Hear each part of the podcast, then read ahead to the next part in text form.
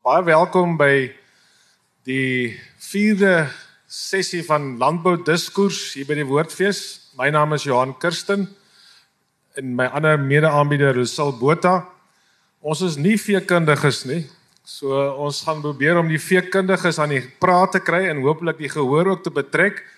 So ons gesels vandag oor die veekunde dissipline as deel van die gespreksreeks om die eeufeesviering van die universiteit en spesifiek die landboufakulteit te koppel aan die woordfees se 100% tema. En ons het 'n paneel van 3 wat ek net vir julle gaan voorstel.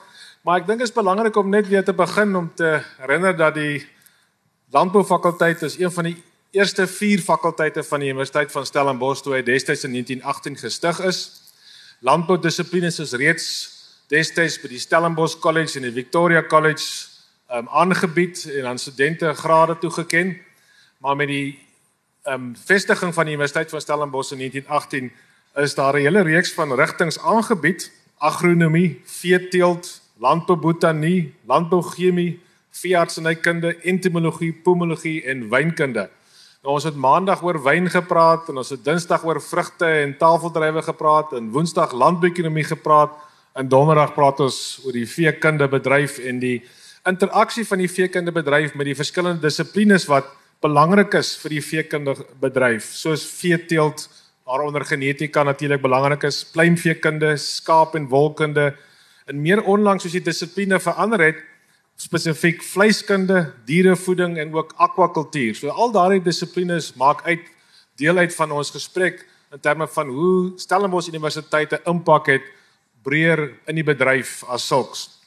So ons het 'n hele reeks van groot name in die veekunde departement as ek hom nou so mag noem, um, gehad oor die jare. Professor Frans van der Merwe is 'n bekende gees wat later ook DG van die departement van landbou was. Professor W.A. Vosloo, ons het hom altyd genoem toe ons studente was Vark Vosloo. Uh professor Heidenrich, professor P. de Wet wat almal departementshoofde was en dan ook uh oom Lam Vosloo was ook in die departement. So die twee Vosloos was nogal bekend en dan prof James hy is die pluimveeman. so ehm um, ons het dan die drie gaste hier. Eerstens prof James Huys wat sedert 1972 lid van die departement was. Uh dan langsom professor Chris Christian Kruiwagen wat van 1996 tot 2016 permanente lid van die departement was, ook 'n grootste deel daarvan departementshoof. En dan die jonger weergawe in die departement Lou Hofman wat tans professor in die departement is en as hier in 1997 en deesdae baie hy werk op die vleiskunde afdeling um, en ook die Saatchi chair in vleiskunde beklee. So ons het 'n hele reeks van groot name in die bedryf. Daar's meer as 40 jaar, meer as helfte van die bestaan van die universiteit se kennis hier opgevang op die verhoog vandag sodat ons kan lekker gesels. So ek wil sommer dan inval en uh uh eerstens net voor ek inval, miskien net weer uh herinner aan aangesien dit 100 jaar is, is daar 'n groot diner vir die landboufakulteit op 4 Mei by die Spier Wynlandgoed waar julle almal uitgenooi is. So kyk bietjie uit na die kennisgewings en maak seker julle is daar. Goed, kom ons gaan bietjie terug in die geskiedenis in. Die twee ou manne, uh Christian en James, kan julle miskien bietjie vir ons terugvat in die geskiedenis van die ontwikkeling van die departement, hoe dinge gelyk, hoe verskil dit van vandag? Wat was die vernaamste dissiplines en die vernaamste eienskappe en hoe verskil die departement in sy uh, vooruitgang en sy geskiedenis van die laaste 40, 50 jaar van die departemente van die ander universiteite soos Pretoria, KwaZulu-Natal en Vrystaat? So dis 'n bietjie vir ons 'n terugblik kan gee en dan sal ons daarna 'n bietjie meer oor die toekoms gesels. Dankie.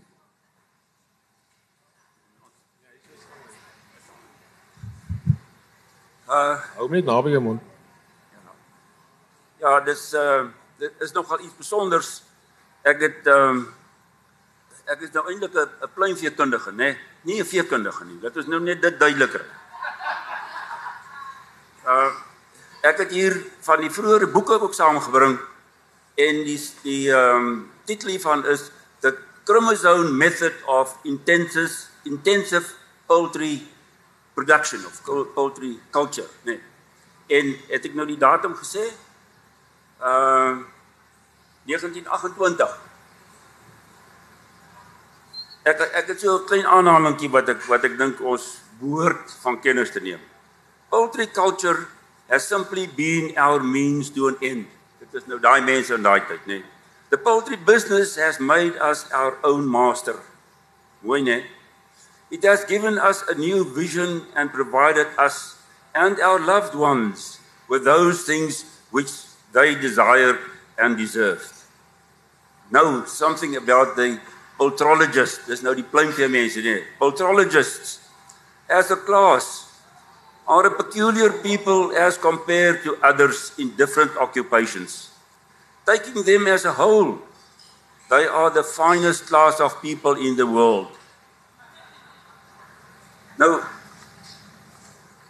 Dames en here, ehm um, pluimvee boere in Suid-Afrika uh moet ek sê was van die vroegste tye af daarop ingestel om rekords te hou en en en uh die die die bedryf op 'n hoë vlak te kry. Dit is dit is dit is inherent en dit is ook die noodsaaklike uh onderbou in pluimveeproduksie. Jy moet presies weet wat jy voer en en rekords hou van wat jy kry ten opsigte van die geld, eiers dan nou, mortaliteite en daardie soort van ding. Nou die die die, die ek moet net dit, sê dat die hoender rasse wat daardie tyd gebruik was, was die swart posterlop, die leghorn en die en die vleisrasse was die uh, uh Cornish game en Plymouth Rock. Dit was dit was die vleisrasse. Die eierrasse was daai leghorns en die en die en die en die swart posterlops. Nou die die syfers wat wat ek hier het vir hulle produksiesyfers van die van die uh van daardie kommersiële lê lyne. In 1916 se syfers het ek hierso. Hulle hulle het hulle het 'n produksie gehandhaaf van 58%. Nou nou dit dit is dit is dis alom die ander dag amper net wat hulle eier gelê het. Die kommersiële die kommersiële henne in 2018 hulle produksie is 80 tot 90%. So as ek sê 80% dan beteken dit uit 100 henne is daar 20 is daar is daar 20 wat nie lê nie. 90% beteken dit uit die 100 henne is daar net 10 wat nie eier gelê het nie. nou hoe hierdie goed dan nou tot stand gekom het is as gevolg van genetiese seleksie. Die seleksie van uitstaande lyne. Ehm um, dit was ek ek ek ek, ek wil net nog dit dit sê dat in, in 1905 eh, die, die wat die wat die vleisproduksie betref. In 1965 is bruik is bruik in 1965 is braaikuikens geslag op 49 dae. Tans is die slagouderdom 30 dae. En dis al 'n gewig wat die wat die kuikens bereik. Die karkasmassa tans is 1.6 tot 1.8 kg. Kilogram. Die voeromset is 1.53 kg voer om 'n kilogram liggaamsgewig aan te sit. Dis die doeltreffendheid waarmee hierdie vleisrasse, hedendaagse vleisrasse kan produseer. Maar die vraag is nou eintlik wat was die rol van professor Huys in die departement veekunde op Stellenbosch in daai prosesse? Ja. Dis dit is daar sal ek nou nou maar liewer swyg hier sien want want as ek nou daardie verhale ek ek ek ek, ek, ek gaan dalk 'n paar van daai verhaaltjies hier kry nê. Ehm um, maar nou laat ek net eers daar kry hierso met met die met met met hierdie hierdie uh wetenskap as om dit nou so te noem. Ehm um, die die die in die pluimveebedryf was dit altyd so uh die noodsaaklikheid van van van van wetenskaplike kennis. Ehm um, en daar is ook verskillende joernale wat wat nou wat daarvoor is. Nou uh ek wil ek wil hierso 'n uh, interessante staaltjie gaan ek nou hier vir julle vertel van die uh invoere wat in die vroeë dae ehm uh, nie toegelaat was nie, die invoere van vleisrasse.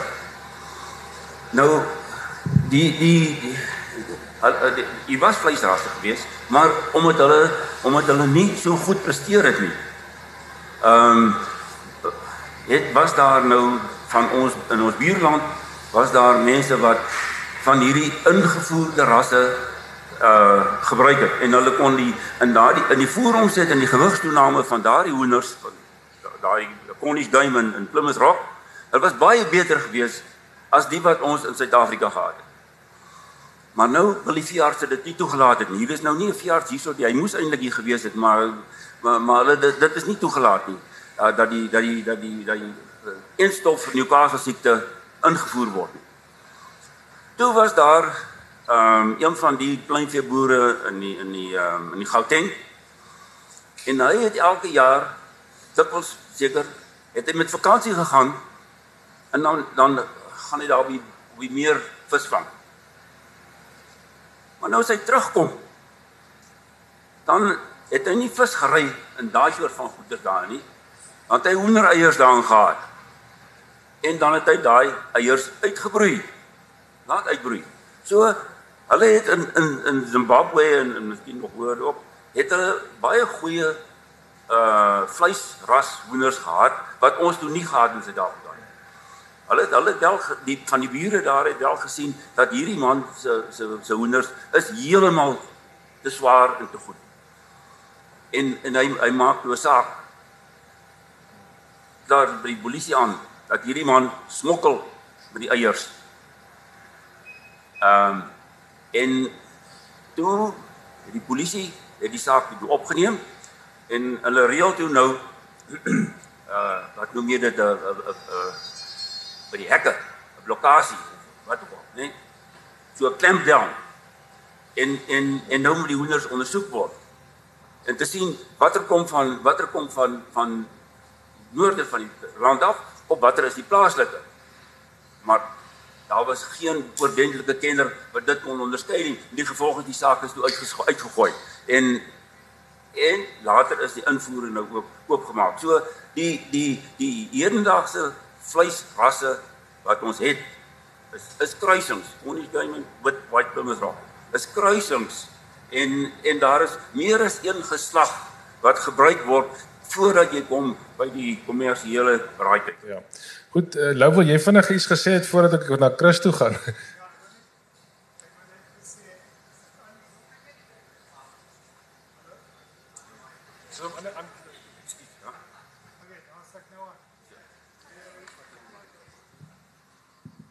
Is dit beter?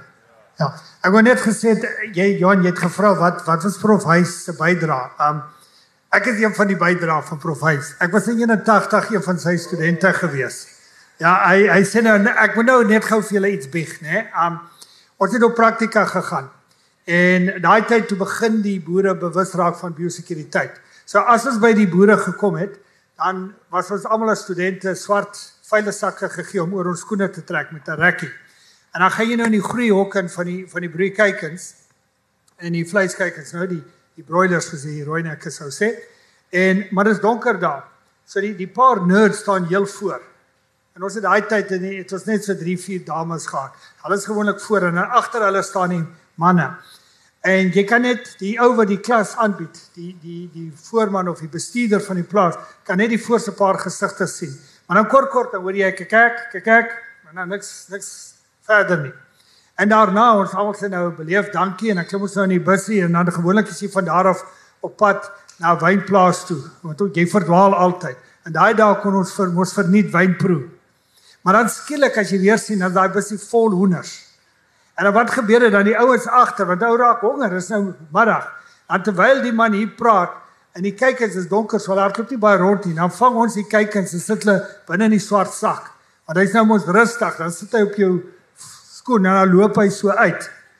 En dan skielik in die bus, dan skeer daai sak en dan is die bus nou vol hoender. So prof ek moet erken as die bestuurder prof gebel het en gesê daar's voel vir my as hoenders weg, hy was nie verkeerd nie.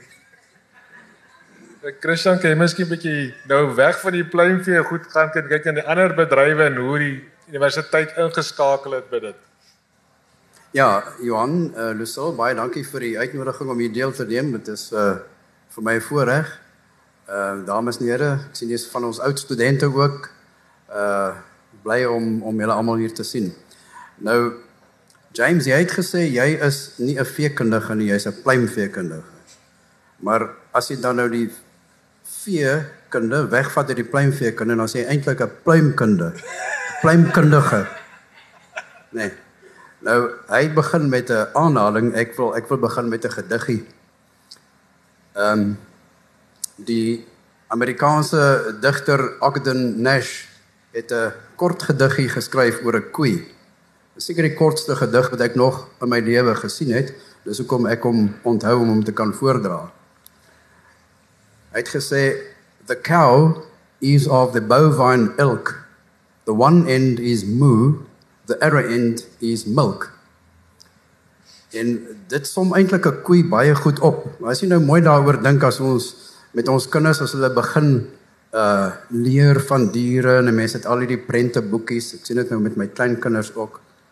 Watse diere is dit? En dan vra mense, hoe maak 'n koei? Moo. En wat kry jy mens van 'n koei? Melk. So dis omtrent al wat daar te sê is oor 'n koei, né? Nee? Hy hy kan moo en hy kan melk.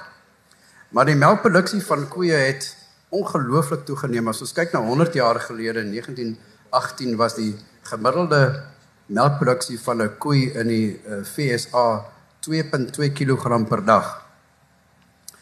Ehm um, nou ja, goed, gemiddeld is nou nie uh, noodwendig die beste produksies ook nie want uh daar was vers, baie baie meer boere destyds en almal het uh, maar 'n melkrytjie ook gehad so baie van daai gebruik was vir huishoudelike gebruik. Maar deur middel van teeling en seleksie, die genetika is so gevorder dat koeie se melkproduksie ongelooflik toegeneem het. Ehm um, die die eier is 'n is 'n fenominale orgaan wat melk uh, produksie betref. En ag dit hang nou maar af presies wanneer jy dit lees of wat die bronne is. So daar's baie rekords wat beskryf word, maar die uh die jongste rekord wat ek van weet van melkproduksie van 'n van 'n melkkoei is 'n uh, 'n koei met die elegante naam van Gigi in Wisconsin in Amerika wat 33000 kg of uh, ja amper 34 ton uh melk oor 365 dae gelewer het. Dit is gelyk aan 93 kg per dag gemiddeld. Dit is, is ongelooflik. So daai piekproduksie was oor die 100 kg per dag gewees. En dan is daar 'n koei in Kanada met die onelegante naam van Smurf wat oor 'n leeftyd van 15 jaar ehm um, 217 ton melk geproduseer het.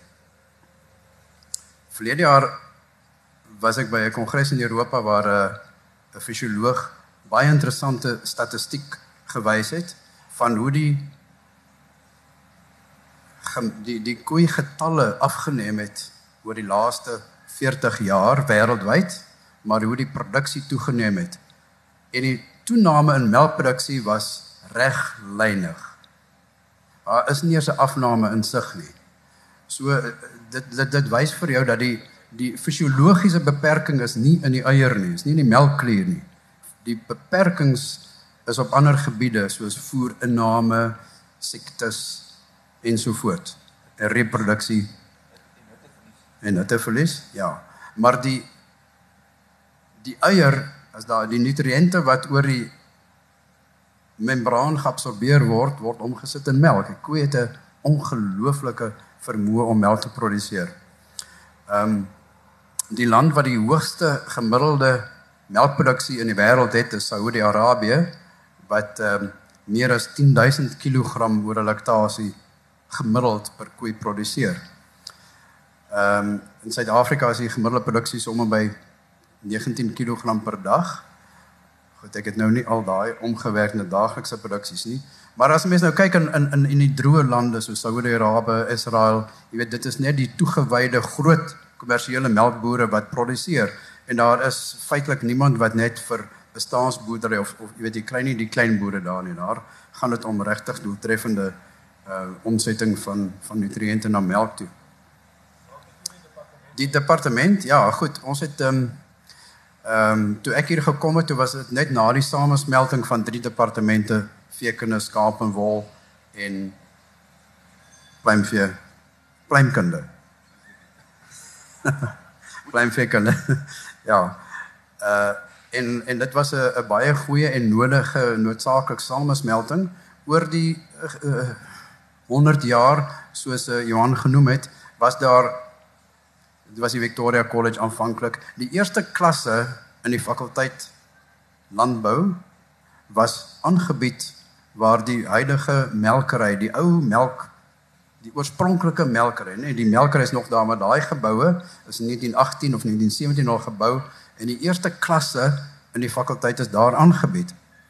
En omdat die dosente baie van hulle was op Elsenburg gehuisves en sommige klasse is daar aangebied, so studente moes amper pendel tussen Stellenbosch en Elsenburg om klasse by te woon. So dit was of te perd uh of perkar of te voet of wat ook al so hulle kon nou nie van een periode na ander nie. So sekere dae is klas op Stellenbosch aangebied, sekere dae op Elsenburg en mettertyd het dit nou ontwikkel later hier in Netling gebou en en die uh JS Maree gebou en so aan waar waar waar toe nou al hoe meer klasse op kampus aangebied is. Um professor Reimers dink ek was die eerste veekundige, nee, eerste voorsitter. Reimers, ja, professor Reimers. En Johan het genoem van al die vorige groot geeste wat ons uh almal geken het. En ja, ons wat ons eie uh, melkery uh, hier betref op uh, op uh, welgevallen. Uh is nie 'n groot melkery nie. Die die kudde was nooit baie groot nie, was maar altyd 'n klein kudde gewees want die ruimte is ook beperk en op die oomblik is daar so 55 na 60 koeie in melk die mikpunt is om oor 100 koeie te gaan, maar die gemiddelde daaglikse melkproduksie is uh, hier net oor die 30 uh, kg per dag. En dit dit is het ook toegeneem oor die afgelope paar dekades van uh jy weet omtrent 20. Nou toe ek my loopbaan begin het in die departement landbou um hier in 1976 rond het ons melkproduksie kortkursusse vir die boere aangebied. En dan het ons gepraat van melkproduksies van hoe hoe melk hoe produseerende koeie van so 5 tussen 15 en 20 kg en dan jou lae produseerders van 10 tot 12 kg. En dan party boere hand op sê maar dis my hoë produseerde daai die 10 kg koei. So vandag kan 'n boer nie meer oorleef as sy stal gemiddeld onder 30 kg is nie. En dit het maar alles te doen met teeling, uh die genetiese vordering, maar die voeding moes byhou, né? um, om daai genetiese potensiaal te manifesteer het um, daar geleidelik oor die laaste 40 50 jaar is um uh 'n nuwe begrippe bygevoeg het koei het begin meer kragvoer eet weer grane en proteïenbronne later ons begin met beskermde rumen beskermde proteïene en rumen beskermde aminosure en beskermde vette en allerlei hulpmiddels soos vitamiene en buffers en ionofore en so aan om by te bly om die genetiese potensiaal te manifesteer. En dan het tegnologie natuurlik ook 'n geweldige rol gespeel. Ek het gelees in 1918 was die grootste tegnologiese uitvinding was die ligskakelaar aan en af skakelaar. Ehm um, maar daar was merkwaardige ontwikkelings in daardie tyd ook gewees as jy dink die eerste mobiele ekstraal masjiene in die Tweede Wêreld in die Eerste Wêreldoorlog 1915-16 gebruik. En hoe die uh, vliegtuie ontwikkel het. Die eerste Boeing het in 1917 gevlieg en vandag is daar meer as 20000 Boeings uh, wat vlieg. Uh en wat wat die melkery betref, melkproduksie tegnologie, weet as ons kyk na die outomatiese melkmasjiene uh, of althans die melkmasjiene wat outomaties melkproduksie registreer wat 'n inlyn laboratorium by amper het wat die melksamestelling bepaal, ehm um, sagte ware wat vir die vir die eienaar allerhande lyste uitdruk van eh, kyk hierna of let op daarna ensovoorts ensovoorts is is ongelooflik. Nou iets wat ek graag vir die, my studente altyd vra is wanneer dink julle is die eerste melkmasjien in Suid-Afrika geïnstalleer? Is daar iemand wat wil raai? Ek sal 'n tip gee, dit was in 19 something. 19 hoeveel is die eerste melkmasjien in Suid-Afrika geïnstalleer? Goed, hulle raai 1980, 1970 daaroond, maar in werklikheid is die eerste De Laval melkmasjien in die Mooi Rivier distrik in Natal in 1927 geïnstalleer en hy kon 4 koeie melk. En ehm um, die basiese al die basiese eienskappe van die moderne melkmasjien was in daardie een gewees. Hy het rubberspeenels gehad, hy het ehm, 'n um, pulsator gehad. Hy het hierdie klein gillies openingkie gehad. Party mense sal weet waarvan ek praat. Al die hy het met vakuum gewerk wat wel deur 'n parafinpomp aangedryf was, maar alles was daar gewees. Maar die die uh die die ontwikkeling was natuurlik op ehm um, 'n tegnologiese gebied. So ons het 'n 'n baie interessante geskiedenis agter die rug en 'n groot deel, deel daarvan het ons was ons getuie daarvan. Lau, wil jy gou iets sê? Miskien ja, ek, ek dink ek wil net 'n bietjie vertel waar ons nou. Okay, wie wie wie wie wie is die departement vir kinder nou?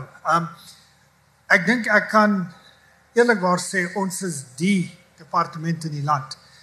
Deel daarvan is gekoppel die feit dat ons is die enigste landboufakulteit wat ons adres gehou het en nie saamgesmelt het en of ingesluk is deur die natuurwetenskappe nie. En dit is baie belangrik om daai landbou adres te hê. Die departement vir kundige wetenskappe tans op Stellenbosch sit met die probleem ons het te veel studente wat aansoek doen. So ons beperk dit nou op 50 studente. Die ander ding is wat word van ons studente? Is daar werk vir hulle of nie? En en ek dink dit is belangrik dat ek beklemtoon wanneer ons studente aansoek doen vir werk, is hulle gewoonlik die eerste keuse.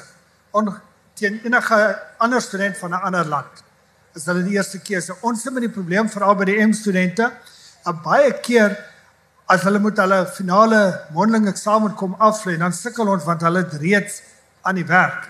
En baie keer is dit nie waar hulle werk nie, is nie in Suid-Afrika nie. Ons het nou hierdie so 2 maande terug Januarie mondelinge gehad. Een van ons studente was in Amerika gewees, ander in Namibië, ander in Wes-Afrika. So hulle word hoog aangeskryf wêreldwyd. Alhoewel ons nou 50 per jaar groep het, het ons meer as 80 nagraadse studente. En die belangrikheid van hierdie, daar's nie 'n manier wat die dosente getal daai studente kan hanteer nie. En hierso wil ek wil ek eintlik sê die die die manier waarop ons dit regkry is 'n baie sterk en waardevol genootskap saam met departement landbou Weskaap by Elsenburg. Ons het daarvan hulle senior navorsers wat uit wat buitengewone professors in ons departement is. En skielik waar die universiteit net twee proefplase het, het ons nou addisionele sewe ander proefplase tot ons beskikking met die kundigheid en ek sal dit nie hard sê nie maar met die hele begroting ook tot ons beskikking.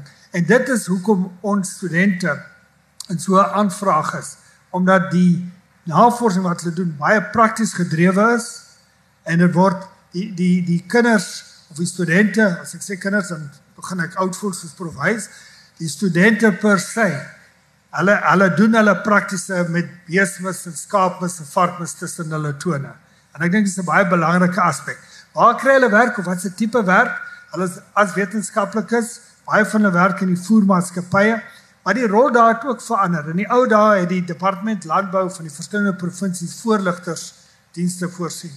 Daai het baie is nie meer baie um van toepassing nie of nie baie prakties uitvoerbaar nie omdat boerdery sigself baie gespesialiseerd geraak het. So baie van ons studente werk vir voermaatskappye wat dan sê voer voorsien aan 'n melkboer, 'n varkboer of 'n hoenderboer. En dan raak hulle saam met die diens van die voermaatskappy, raak hulle dan wetenskaplike adviseerders. So daar's beslis werk vir ons studente. Hulle hulle bedien baie goed. Net vinnig op die proefplaas, ons het altyd 3 skaapstoete gehad. Die een hierbo by welgevallen was die Merino stoet. Ons moes die later toemaak soos die publiek toegeneem het en meer en meer die proefplaas gebruik het as 'n plek vir hulle om rond te stap met hulle honde. En dan daai tyd van die jaar as die tewe op hitte kom, dan al wat hond rondgehardloop, skape doodgebyt. So ons het nog steeds die twee merino vleismerino en doenie merino stoete op Mariendal wat langs Elsenburg is en hulle word gesien as binne die top 5 stoete in die land. Ons is baie trots op die kwaliteit daar. Ons is baie gelukkig ons het 'n bestuurder daar, meneer John Morris wat al 'n aantal jare daar is en wat seker een van die top praktiese skaap boerkennis het van enige menigte of enige ander boer in die land. So ek dink as ons op pad ons het nog steeds die dissipline van teeling, genetika, van diere fisiologie, reproduksie fisiologie. Ons het weer na lank gesukkel na Dr. Dani Berry weg is weer 'n veearts wat ook help met die vee siektes en natuurlik kyk na die dierewelsyn van ons proewe want dit raak al hoe meer en meer belangrik. Ons het akwakultuurdosente. Ons het ook dan die voedingskundiges by die herkouer en enkelmaagvoeding en daar is eintlik die die steunpilaar van die departement tans dink ek lê by die voeding en dan by die teeling en dan die fisiologie nog soos altyd in in daai drie fundamentele beginsels en wetenskappe is nog van toepassing. En ek dink vorentoe ons gaan net meer en meer groei. Lou, hou sommer daai mikrofoon. Ek wil jou vra oor 'n saak waaroor almal praat op die oomblik. Ons lees dit in die koerante, mense is bekommerd daaroor, listeriose. Weet ons waar dit vandaan kom? Kan dit gestuit word? Hoe kyk julle daarna vanuit hierdie veekundige dissiplines wat jy nou genoem het? OK, ja, ja, die die foon lei aanhoudend daaroor en en elke koerant soek 'n ander hoe kan ons Engels sê angle wat wat hulle koerant gaan verkoop. Ek wil net eers sê um, as 'n vleiskundige Ek sien microbioloog nie, ek's vleiskundige, maar ek werk baie nou saam met Prof Pieter Gous van voedselwetenskap wat um, hy tans byvoorbeeld vandag in Appington waar hy by slagpale met die mense jy praat oor listerose. Um, waar dit vandaan kom, ons is nie seker nie. Daar's nou twee fabrieke geïdentifiseer wat dit het. En dit is baie moeilik. Die een is Enterprise en die ander is 'n pluimvee verwerkingsaanleg. Waar is die gemeene punt wat al twee hierdie het? Um onder andere ons dink dat is dalk materiale wat ingekom het wat moontlik besmet kan wees. Nou ek hoor ek het vandag het ek weer oor die kolle gehaal want blykbaar het ek gesê dis hierdie meganiese ontbeende vleis wat uit Brasilië uitkom. Wat ek eintlik gesê het dit kan moontlik meganiese ontbeende vleis wees. En toe die verslaggewer verder gegaan en gekyk waar kom dit vandaan in ons grootste um, invoerder is uit Brasilië uit. So nou het van net nou die Brasiliaanse ambassadeur my gebel en my uitgeskel en gesê waar is my bewyse dat ek sê Brasilië is die mense wat die wat die listeria in die land het gebring het. Toe moet ek mooi vir hom lees wat ges, ek eintlik gesê het en ek het nie dit gesê nie, maar mense maak daai gevolgtrekkings. Nietemin, um, ek dink as dit kom van meganies ombeene vleis, wat is meganies ombeene vleis? Mense praat van white slime of pink slime. Ek ek hou nie van die woord nie want slaim uh wek 'n gedagte van vuil en en ongesond en dit is alles behalwe. So wat wat gebeur is in plekke soos Amerika, uh, Brasilia, hulle hoofmark is hoenderborsies. So as jy 'n pluimvee prosent is en jy ontbeen die borsie, dan verkoop jy hom om die volle kostes van produksie van die hoender te dek. Maar jy nog steeds vleis en bene oor. So enigiets wat jy daarvoor kan kry is 'n wins. So wat hulle doen is hulle vat daai oorige vleis op die bene en onthou hierdie soos prof Wys gesê het 28 30 jaar oud, kyk en se bene is sag. Dan druk hulle dit deur 'n pers. En wat aan die ander kant uitkom is 'n amorf stuk proteïen. En daai proteïen raak wit. So dit word dan gevries in 25 kg bokse gepak en wêreldwyd uitgevoer. Ons voer in van Pakistan, Europa, Brasil is die hoofuitvoer. Dan kom daai vleis in Suid-Afrika. En ons het 'n uitdaging in Suid-Afrika dat ons het 'n groot groep mense wat daar inkomste is wat ons moet sorg dat hulle proteïen van gehalte kry. So wat jy dan doen as jy 'n uh, bologna of 'n Vienna maak, jy homogeniseer hom. Dan word hy geen tekstuur nie. So jy kan nie sien wat se tipe vleis daarin is nie. So dan vat ons hierdie goedkoop proteïen wat nou die hoender geperste hoendervleis is en ons sit 'n bietjie varkvet by en ons sal ook 'n bietjie soja gedroogde soja bysit in water. Water is goedkoop, so ons sit hom maar by en dan kry ons, dan meng ons hom en dan kry ons 'n emulsie.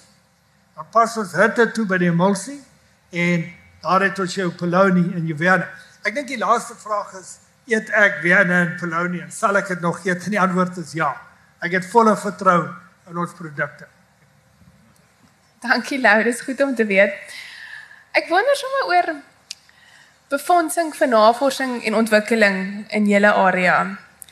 Ek weet nie wil Christian, wil jy miskien vir ons iets sê? Word daar genoeg spandeer om navorsing en ontwikkeling vorentoe te neem? Veral as mense dit vergelyk met wat gebeur in bedrywe soos die sagte vrugtebedryf of met die veebedrywe oor see. Kyk ons gee ons genoeg aandag aan daai aspek. Ehm, um, so befondsing is altyd 'n probleem. Navorsingsbefondsing. Uh ons kry befondsing van die NRF, van die uh Nasionale Protein Trust, Oliesade Raad, SA Graan en so aan.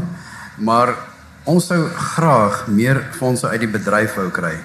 En om een of ander rede is dit baie moeilik om die veebedryf betrokke te kry by ons navorsing of alles het vir hulle gaan geld vra.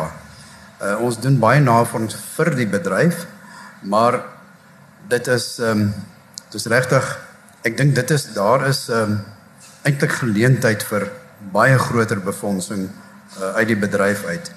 Ja, ons sal ons sal maar altyd sê daar's nie genoeg geld vir navorsing nie, want navorsing is duur. Die uh, as, as jy byvoorbeeld 'n melkbeesproef moet doen, jy die die die voedingskoste is is so ongelooflik hoog dat jy kan nie vir een plek vra om om al die die, die volkoste te betaal nie. Dit jy sal net nie daai uh, befondsing kry nie behalwe as ons dit kry van 'n groot befondsingsinstansie soos die staat, die NRF. En daar raak dit ook maar al hoe moeiliker om om geld te kry. So my kort antwoord is dan ja, daar is dit is 'n knelpunt. Ons sal definitief graag meer geld uit die veebedryf uit wou gehad het vir navorsing. Jy wil aanvul, James? Ja, baie dankie. Ek ek sal baie graag ehm um, hierby wil inkom. Ek wil net eers 'n bietjie kort pad vat.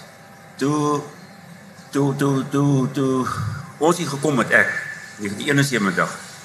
Toe was die teelingsnavorsing op Mariendal die hoof fokus geweest. Sover dit nou voedingsnavorsing betref, was dit was daar niks van nie. As ek sê niks, is niks. Ons het ons het ons het die die ons het die die die die eie raad die uh gevra vir geld om 'n om 'n gebou op te sit wat wat ons minstens dan nou klimaatbeheer en ventilasie het en sulke goed. En ek ek kan nie onthou wat die bedrag was nie, sê net maar 6000 of 10000 rand. En toe sê ons ons wil 'n gebou so 'n gebou hê met meganiese ventilasie en verwarming en al sulke goed. Goed. Maar maar toe toe die ouens die plek kom toe kom bou, nê, nee, en dit het professor Liebenberg my geleer. Toe sê ons nee, ons bou nou een kant hier hier in 'n gemeenskaplike muur, want ons maak ons twee geboue. So toe het ons twee geboue vir vir vir voedingsnavorsing vir braaikykers wat jy ons nou 6 28 of 54 hokkies het en en en in elkeen is so jy kon groot her, baie herhalings hê om om om betroubare resultate te kry, hoogs betroubare uh verskille uh as gevolg van behandelings, dit. En en 'n hoender is 'n baie sensitiewe dier. Hulle reageer baie goed. Jy kan dit baie baie sekuur kan jy dit kan jy dit bepaal en en jy kan ook baie sekuur kan jy die die die uh proteïen eintlik aminosure nê uh kan jy dan uh vlakke kan jy daar insit en jy kan vasstel presies waar is die is die maksimum wat baker jy die die meeste inkomste. So toe het ekskuus. Toe ons nou daardie fasiliteit het, toe kon ons begin om proewe te doen vir die nywerheid vir die vir die maatskappye. En ek moet nou sommer dit met prontheid sê, ons het baie geld gekry. Ons uh hier van my kollegas kan sê hoeveel van daardie van daardie fasiliteite was was was by by by die etlike jare voltyds bespreek gewees vir proewe wat ons gedoen het om om vir die navors vir vir vir vir vir die maatskappye maar ook vir die studente. Ons het nou nie net ons het nou nie net net uh, uh vir vir vir vir die buitemense nie, maar die die resultate kon gebruik word uh vir uh, vir vir vir vir die, die goed. So ons ons het ons het ons het ons het braaikuikens, ons kom braaikuikens slag. Ons het 'n abattoir opgesit, ons het koelkamers opgesit sodat ons die, ons het die vleis verkoop aan die aan die personeel op die op die, by die universiteit. Weet nie of daar iemand is wat nou nog kan onthou daai wat wat wat daar daai ja, nou hè? Hoenders gekoop, vleis gekoop Vrydag maar uh, eh, dan dan dan kom ons met die met die bakkie en ons, ons koop die bokse vleis het, het ons daar verkoop. Dit is hoe ons geld gekry het vir navorsing en vir studente. Ons het mense oor see gestuur. Baie nice. Ja. Goed.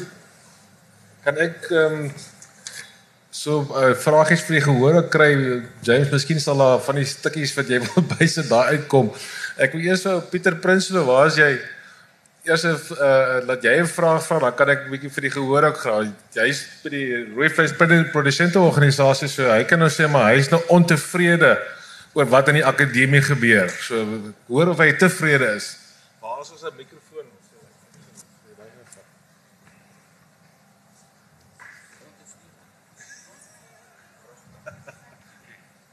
Goeiemôre. Ja, ehm um, Johan, jy sit my op die spot hier. Ek's op vakansie nou. Ek is nie aan die werk nie. en dan wil ek net 'n regstelling doen. Ja, ek was uh, ek het nou vanaf Januarie het ek nou uitgetree uit die industrie, hierdie bedryf uit. Ek is nou 'n bietjie meer gefokus op my eie dingetjies wat ek wil ontwikkel. Maar ja, ek het 'n paar vrae. Uh, ek uh, eerste plek oor die navorsing. Uh die RMRD. Ek het ook 'n sitplek gehad namens die beesvleis kant op die RMRD, die Red Meat Research and Development SA en ek wil saam met prof Sem saamstem dat daar hopeloos te min vleis, ag vleis, te min uh uh uh geld vir navorsing tans gegee word uit die industrie uit. Ek was eintlik deel van die proses om te kyk hoe kan ons dit meer doen om vir julle 'n ballpark figure te gee. Ons praat van rolweg, dis nou op bok, skaap en kleinvee en en grootvee en beeste is dit so 5 miljoen rand per jaar wat van die industrie afkom en dis hopeloos te min. Dan is daar ook natuurlik akademiese politiek, nê. Nee. Julle sal nie glo dat akademici het groot politiek onder mekaar nie. Ek is gelukkig Stellenbosch, my alma mater, so ek is absoluut met julle. Ek is nie teen julle nie. Maar ja, daar's groot politiek betrokke ook in daai liggame.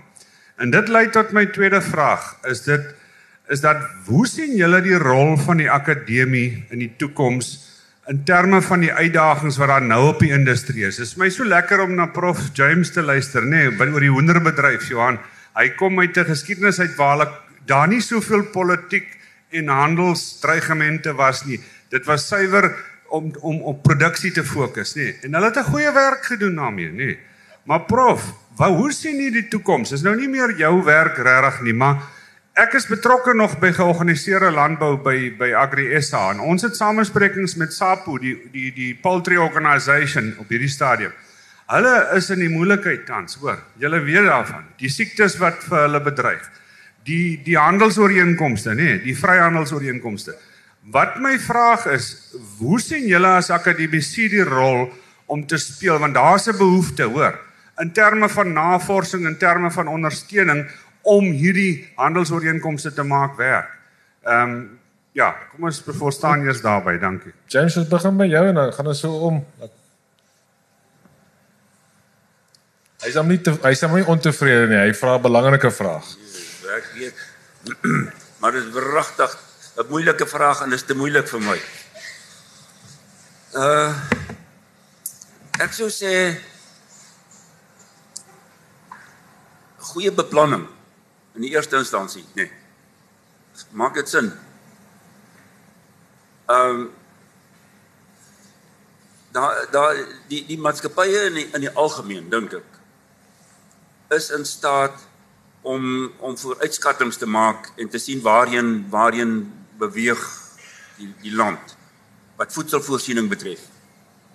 En en en dan en dan uh en en dan daar daar daar uh, uh, regstellende maatreëls te neem. Maar nou kry jy so iets soos byvoorbeeld hierdie uh voelgriep. En en daar is miljoene henne doodgemaak. 600 miljoen of so iets is is baie. 600 miljoen lenne wat doodgemaak is. Nou om hulle te vervang en nou weer volproduksie te kry is dit gaan dit gaan lank neem. Ehm um, maar nou maar nou die Maar eintlik ek ek kom nie eintlik reg mooi by die die die die vraag nie ek, om om om daai probleem aan te spreek nie. Die die navorsings die die die uh die die uh, befondsing van navorsing, nê. Nee. Dit is dis eintlik waaroor die die storie gaan. Die befondsing van navorsing. Ons het ons het hierdie bronne genoem, nê, nee, die WNR in in in in daardie plekke. Ehm uh, die pluimveebedryf hulle hulle hulle hulle hulle hulle het uh geld beskikbaar gemaak vroeër vir navorsing. En en maar nou het dit gestop. Vanweë die die bedryf se ek ek wil sê probleme wat die bedryf gehad het. So daardie navorsing is is is nie meer beskikbaar nie. Ons het ons het daarso ehm um, ons het daarso die geleentheid gehad om om om beurse te gee by die Suid-Afrikaanse Plantvereniging. Dit dit het gestop. So die befondsing van navorsing is is 'n is 'n baie groot knelpunt. En en en as ek nou so moet dink by die die Plantveer departement of afdeling by Stellenbosch ek, ek huiwer om dit te sê. Ehm um, maar ek ek ek weet nie wat gaan aan wat wat Plantveer navorsing betref nie. En en dit is dit is een van die heel grootste bedrywe in die land. Dit is inderdaad so. So ek moet daar stop. OK, kan Christian miskien met jou kommentaar en dan kan ons by Lou eindig. Uh goed, ek dink om net die een aspek van jou vraag is ehm um, ja, ek weet nie of ek my nek ook hier uitsteek nie, maar ek dink die besluitnemers in hierdie land moet werklik vir hulle self afvra wat beteken voedselsekuriteit en om die kommersiële produsente beskerm. Maar dit lyk my nie uh, dit dit gebeur nie. En ons as ons nie ons kommersiële doeltreffende produsente kan beskerm nie, dan gaan ons nie voedselsekuriteit hê nie. Goed, so daar's 'n politieke uh, kant aan, maar daar's ook 'n navorsingskant aan, want ons kry befondsing uit die buiteland uit vir navorsing ook. Hierdie jaar gaan ek uit Engeland geld kry vir navorsing. Ek het al uit Ierland en Amerika verskillende lande uit ons navorsingsbefondsing gekry. Hoe kry ons dit reg? Deur goeie navorsing te doen, deur goeie publikasies uit te bring en dat die wêreld kennis neem van ons navorsing. As ons as navorsers goeie name het by die bedryf en in die buiteland, dan help dit ook vir ons om om om fondse uit ander roetes uit te verkry. Dankie. Um, om terug te kom na jou eerste vraag, die daar is akademiese politiek, maar ek dink dit is tyd dat die bedryf ons saamroep. Ons is nou so min navorsers in elke vakgebied. Dit sê herkouervoeding, enkelmaagvoeding, pluimveeproduksie, vleiskunde. Dat die bedryf ons bymekaar kry en dat ons nie onder mekaar beklei vir die koek nie, maar as ons saam is, dan is ons 'n groep wat kan meeding vir internasionale befondsing. Die groot geld, nou praat ek van die paar miljoen euros. Stel nie belang in Lou Hofman se bietjie navorsing wat hy doen nie. Hulle stel belang in wat se navorsing in Suid-Afrika doen en ek dink daar kan die bedryf 'n kritiese rol speel om die manne of die of die navorsers bymekaar te roep en te sê reg, hier is 'n plan, hier is 'n geleentheid om vir groot geld te beding, maar ons moet dit saam doen. Dis die dis die eerste plek. Ek, ek kan verstaan die binne die politiek van die land is daar baie klem nou, baie van die gelde van die ou rade wat nou in trust is, wat vir navorsing gegaan het, nou gaan vir opkomende boere. En daar is ook 'n plek daar vir navorsing op opkomende boere. Maar dis 'n bietjie anders want ons groot produsente neig om wins en produksie te jaag terwyl 'n opkomende boer is op pad soontoe. So en ek kan nog nie lekker in my kop die plek kry waar opkomende boere inpas in die navorsing nie. En ek dink die ander ding is ek sien dit gebeur wanneer ek besoeke aflê as as um, een van die een van die uh judges wat sit in Afrikaans. Beoordelaars van die jong boer van die jaar kompetisie. Dan kom ek by van die land se top vee veeprodusente. En wat ek daar sien, maak my baie bly, want ek sien daar presies die boerdery. En Prof Bonsma het jare terug gesê 'n mens moet meet. Maar jy moenie net meet nie, dit wat jy gemeet het, moet jy kan benut en gebruik. En dit is my riem om my hart as ek nou so daar by 'n varkprodusent kom, na ek gestort het vir biosekuriteit en ek stap in by sy varkhok en ek sê vir hom, "Vertel my van daai vark" en hy haal sy selfoon uit en op die RTF oor plaatjie kom al die rekords van daai sog op. En hy kan vir my sê nie net hoeveel werksel sy het nie, hy kan vir my sê 3 dae terug het ek haar ingespuit teen teen hierdie siekte en hy kan nog verder gaan en vir my sê verlede jaar het sy soveel varkies wat ek geslag het van haar teen hierdie kilogram en haar wins was soveel rand per kilogram en soveel per sog. Met ander woorde laat hulle daai presies presiesheid het. En ek sien dit ook baie by van die ekstensiewe veeboere. Baie van ons skaapboere se reproduksie gebruik sinkronisasie en alles wat daarmee gepaard gaan. So ek sien vorentoe, ek sien baie by die melkbore vorentoe dink ek binnekort gaan ons begin om sperms te gebruik wat X kromosome het en nie meer Y nie, laat al die koeie dan net versies is. So baie van daai sien ek vorentoe, so dit gaan bestuursmeganismes wees. Maar ek dink die om meer te begin, die ander ding wat belangrik is, ons moet dwars oor dissiplines werk. Dit help nie meer jy werk net op vee nie. Want as jy kyk na boerdery praktyk, die die ekonomie raak al hoe belangriker. Dis die groot dryffaktor. Die boere wil moet 'n wins maak, maar dan sal ook met presisie boerdery die ingenieurs aspekte wat inkom. As ek sien hoeveel boere gebruik mikro vliegtye, hommeltuie wat rondvlieg of waar na hulle watertanks te kyk, na hulle drade te kyk of om te kyk hoe die vee is. So daar's baie van daai opwindende uh toerusting en moderne tegnologie. So uh, ek dink om weer op te som, een die akademici moet begin saamwerk en dit is die bedryf wat ons akademici gaan saamtrek en saam forceer. En dan as ons dit het, kan ons die groot geld gaan jaag van oorsee af. Dankie Lou. Is daar nog 'n vraag wat jy gehoor het? So voor ons afsluit. Waarso? O. O. Okay. Ehm um, Lou, jy het nou jy het nou 'n baie goeie punt aangeraak dat daai verhouding tussen die bedryf en die akademie moet nader aan mekaar wees. Maar hoe kry 'n mens dit reg? Dis nou my laaste vraag voor ons afsluit. Hoe dink jy wat is nodig om daai brug te bou? Ek ek dink die die die aantal navorsers is so klein ons ken mekaar. So miskien met die bedryf, die rooi vleis ontwikkelings uh, bedryf byvoorbeeld. Hulle het 'n bietjie geld. So dan moet hulle roep en sê ons wil 'n projek hê op XA. So is een van die huidiges is die karkasklassifikasiestelsel. Daar's 'n ongemaklikheid daar. En daar was al by Arini al die vleiskundiges bymekaar gekom en geëvalueer wat aangaan. Maar nou moet hulle sê reg mense, hier dit is wat ons wil hê. Wie gaan wat doen? Wat wat is julle nie jy jy jy nie, maar wat is julle plan? Maar dieselfde tyd is daar 'n ander ding.